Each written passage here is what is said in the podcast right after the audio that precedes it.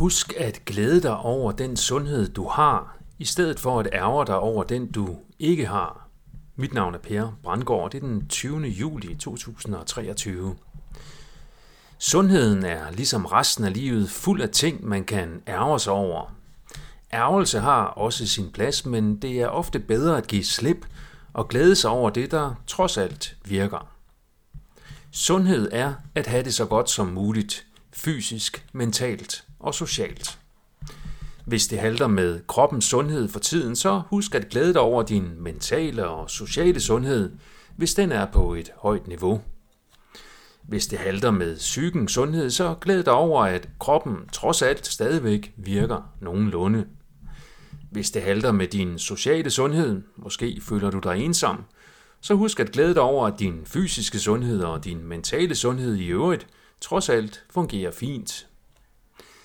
Det betyder ikke, at du skal være ligeglad med den del af din sundhed, der ikke er på toppen. Du kan godt gøre, hvad du kan for at forbedre de svage led i din samlede sundhed, mens du glæder dig over de andre velfungerende dele. Glæden over den sundhed, der virker godt, vil give dig mere energi til at gøre noget ved den del, der er nede. Glæde i dødens nærvær. Nogle gange, når sundheden er nede, så er det uden for vores kontrol. Ærgelse eller selvbebrejdelse vil blot øge lidelsen og reducere den samlede sundhed yderligere. Lær af eventuelle fejl.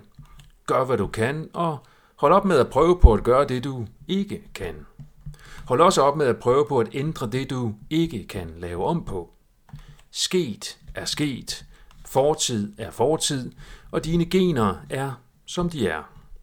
Giv slip og lev med den fulde katastrofe, for at bruge John Kabat-Zins terminologi i forbindelse med mindfulness-baseret stressreduktion. Selvom du spiser og lever perfekt, så kan du blive ramt af sygdom og lidelse. Det kan vi alle. Glæd dig over, at uanset hvor korrekt du lever, så skal du også dø en dag. Så husk at nyde livet, mens det varer. Lige pludselig er det slut.